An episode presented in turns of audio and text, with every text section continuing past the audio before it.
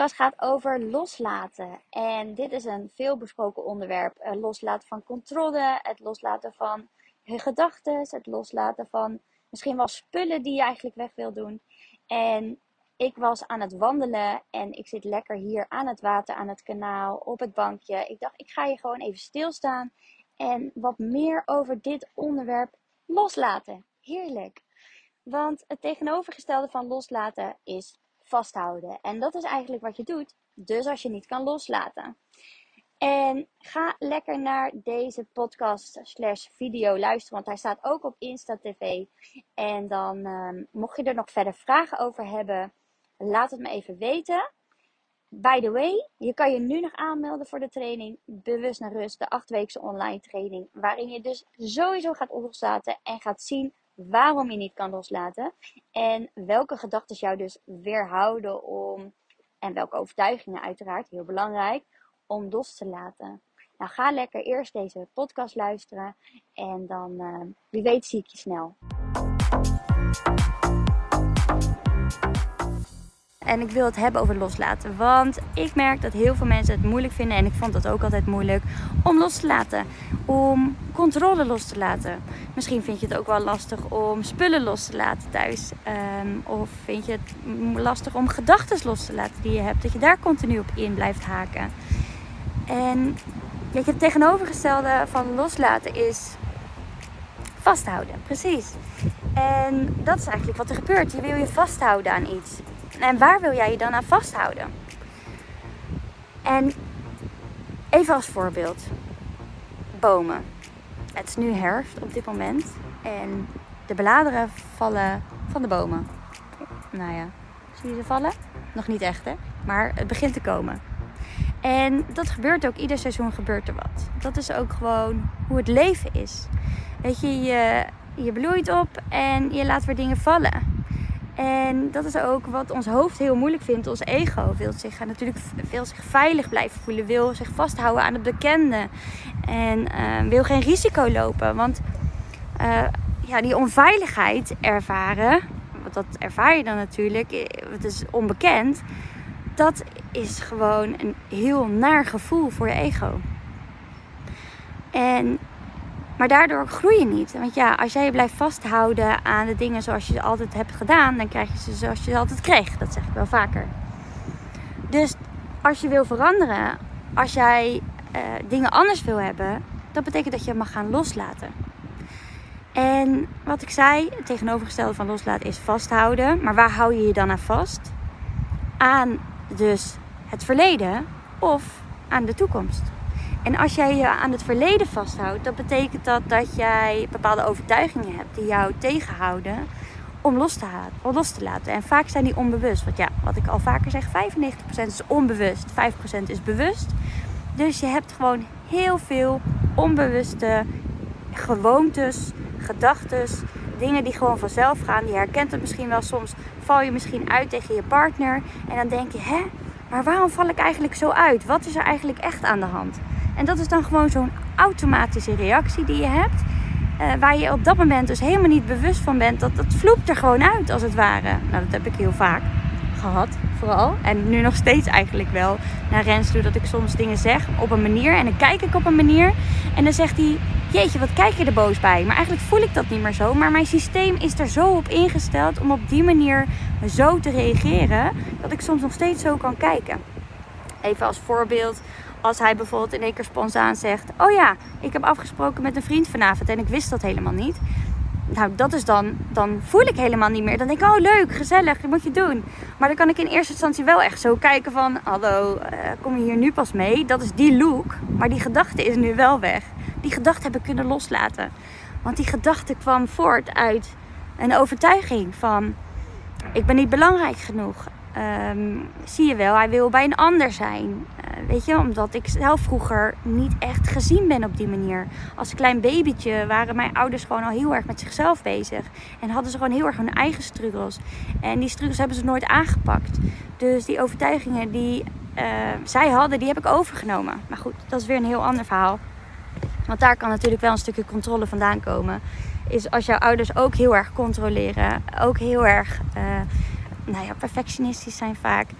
En um, dus heel erg willen vasthouden aan het verleden aan de toekomst. Misschien hoor je ze wel eens praten. Ja, vroeger was alles beter.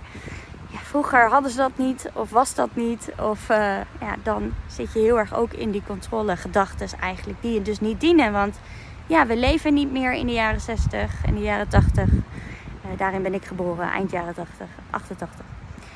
Ah ja. Dus ja, we leven nu. En dat is dus zo belangrijk. En de belangrijkste switch die ik heb gemaakt in loslaten, is dus ook door dit stap voor stap te doen. Dus niet meteen te verwachten dat je meteen alles kan loslaten. En kijk, wat bijvoorbeeld helpt, is, en wat je misschien ook wel merkt, als je het huis aan het opruimen bent. Dat is ook loslaten hè, van spullen. Dus je bent uh, bezig op zolder, achter het schot. Bij ons echt uh, nou, het schot valt misschien nu nog wel mee, maar de schuur is nu best wel een drama. Daar mag best wel losgelaten worden. Nou, ik heb daar dan nooit zo zin in. Ik heb ook er niet zo moeite mee om het los te laten. Het zijn ook vooral niet mijn spullen.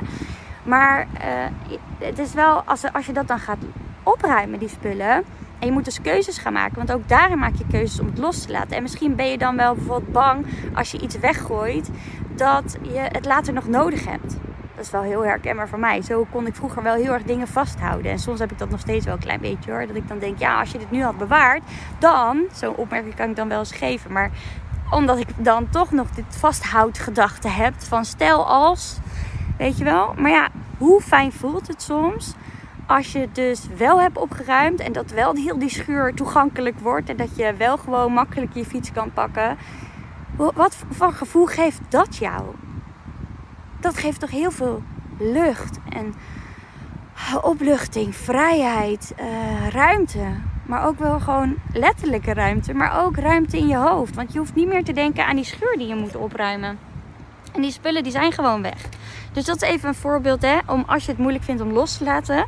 Begin dan met spullen opruimen en spullen loslaten.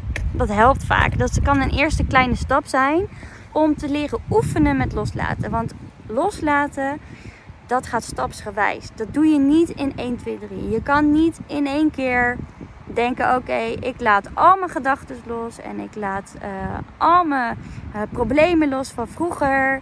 En um, dat heb ik nog wel eens. Hè. Dan herken ik overtuigingen terug van die ik uh, vroeger had en die soms dan nog wel eens terugkomen op een andere manier. Dan zak je net weer door in je proces en dan uh, ervaar je een trigger weer op een andere manier en dan denk je, oh, daar is die weer, die trigger. Daar heb ik helemaal geen zin in om met die trigger uh, om te gaan. En dan ga je in de weerstand en dan lukt het niet om los te laten. En dan denk je, waarom lukt het nou niet om los te laten? Nou, omdat je jezelf veroordeelt over het vasthouden. En dus dat is dan ook mijn tweede tip.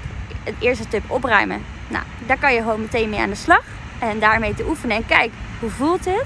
En de volgende tip is dan om niet in de veroordeling te gaan. Oh, om niet in de veroordeling te gaan dat jij uh, wil vasthouden. Want daar zou je vast een hele goede reden voor hebben.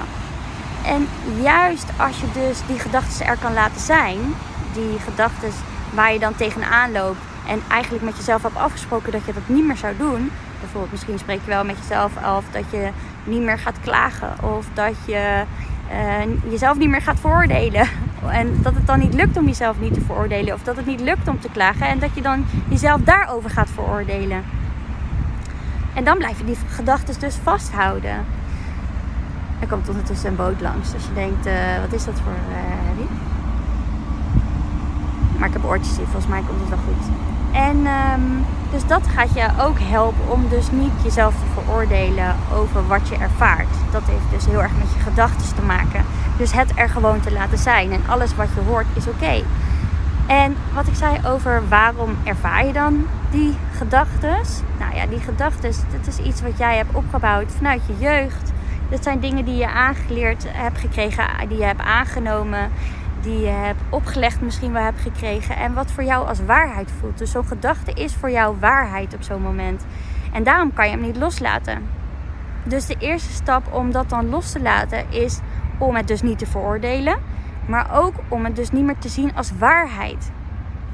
Want die gedachte, is het eigenlijk wel waar dat je, um, nou moet ik natuurlijk een goed voorbeeld bedenken. Is het waar dat uh, je continu controle moet houden. Dat je bepaalde gedachten moet vasthouden. Dat, je, dat bijvoorbeeld bepaalde dingen op jouw manier moeten. Dat bijvoorbeeld ehm, dingen in huis opgeruimd moeten worden op de plek waar jij vindt dat dat hoort. En ga je er anders aan storen? Dat is natuurlijk ook een stukje controle. Is dat als jouw partner uh, zijn rommel niet opruimt, dat je je daaraan gaat ergeren. Nou ja, dat betekent dat daar ook een overtuiging onder ligt. En dit is iets wat jij waarschijnlijk hebt aangeleerd gekregen vanuit je jeugd. Waarschijnlijk heeft jouw moeder ook heel vaak tegen jou gezegd: ruim nou je rommel op.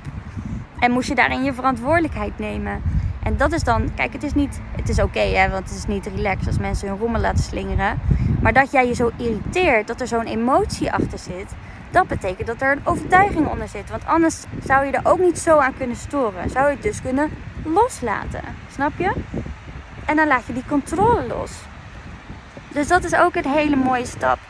Om dus te gaan zien, oké, ik veroordeel mijn gedachten niet. En ja, wanneer ben ik dan deze gedachten gaan geloven? En welke overtuiging zit er dan onder? Dus dat is een heel mooi onderzoek die je kunt doen. Wat ik ook doe in mijn training natuurlijk bewust naar rust. Daarin ga je zelf helemaal dat onderzoek doen. Natuurlijk met mijn begeleiding. Dit heb ik gedaan in zes stappen. Helemaal uitgewerkt voor jou. Maar ik heb ook een, uh, begeleidende audio daarbij gedaan. Zodat je stap voor stap met mij deze uh, situaties kunt onderzoeken. Waarin je dus heel erg gaat zien van oké, hoe waar is eigenlijk deze gedachte? En door middel van die vragen ga je ook de andere kant bekijken. En ga je zien dat die eigenlijk heel veel gedachten dus helemaal niet zo echt waarheid zijn als jij dacht. En nou kan je dat wel denken. Maar dan gebeurt het alleen maar in je hoofd. Uiteindelijk gaat het erom dat je het ook gaat voelen. En dat is ook wat ik ga doen met deze uh, bewust naar rust training. Maar natuurlijk ook in mijn VIP traject, in mijn 1 op 1 traject. Daarin ga ik je helemaal begeleiden. Ehm, in het bewust naar rust, als je dat een, een, stap te ver vindt, eh, dan kun je het gewoon in acht weken, in twee maanden ga je er zelf mee aan de slag. En dan ga je zien dat stap per stap de zwaarte afgaat van die gedachten. Waardoor loslaten dus veel makkelijker wordt. En soms zitten die overtuigingen zo diep, eh, dan moet je flink graven. En eh, dat is ook wat we echt doen in onze 1 op 1 coaching. Dan ga je gewoon net even een laagje dieper. Waardoor daar uh, bepaalde beschermingsmechanismes bij komen kijken. Die bespreek ik ook in de training bewust naar rust. Maar als je dat merkt, dan is het handig om misschien wat dieper daarop in te gaan in een 1 op 1 sessie. Maar je kan al zoveel bereiken zelf met die overtuigingen onderzoeken. En om je nog verder op weg te helpen met controle loslaten, is dat uh, wat je ook kan doen, is het opschrijven. Van oké, waar heb ik allemaal, wil ik allemaal controle over houden? Schrijf het van je af en zie, oké, maar oké, waar heb ik dan nu blijkbaar angst voor? Want dat heb ik nog niet verteld, of wel? over, uh, dat heb je als je het dan spontaan doet, hè? Dat als je vasthoudt aan controle, ben je bezig met het verleden of met de toekomst. Dus je bent of heel erg bezig om, uh, met, je, met een angst, met iets te voorspellen eigenlijk. Eigenlijk probeer je dan iets vooruit te zien.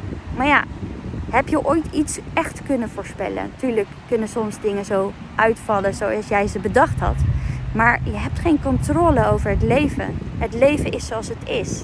En juist door terug te komen in het nu, ga je dus heel erg eh, loslaten.